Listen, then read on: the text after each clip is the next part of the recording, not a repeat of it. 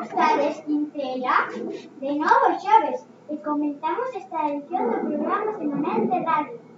Imos presentar, somos os nenos e nenas de segundo. Estamos de cheo no mes de novembro. Xa celebramos un agosto. Os amaños. Pero que temos a Nadal.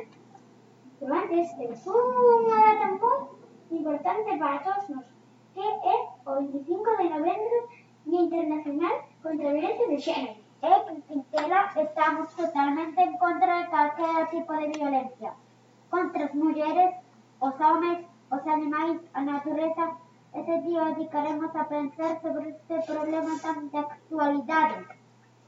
De- Dime, Sofi, ¿qué farías si, si alguien do que le maltrata a un compañero o compañera? ¿Farías lo mismo?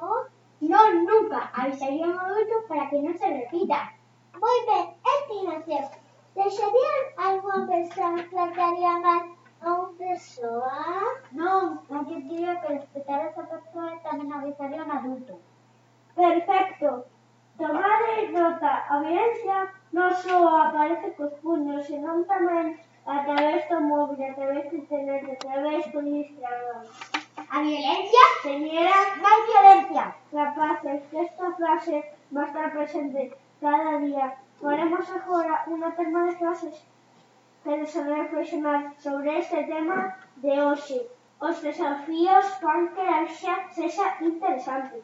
Non teñas medo en defender o que crees. A mellor venganza sempre será a indiferencia. Nunca avergañes un amigo en público.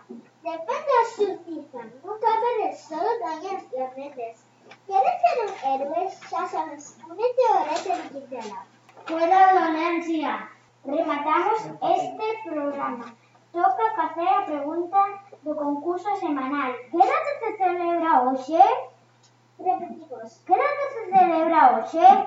Sorte a todos e a todas agora a solución do programa anterior foi Peregrín. O gañador, o gañadora é... Parabéns, Mario, de cuarto.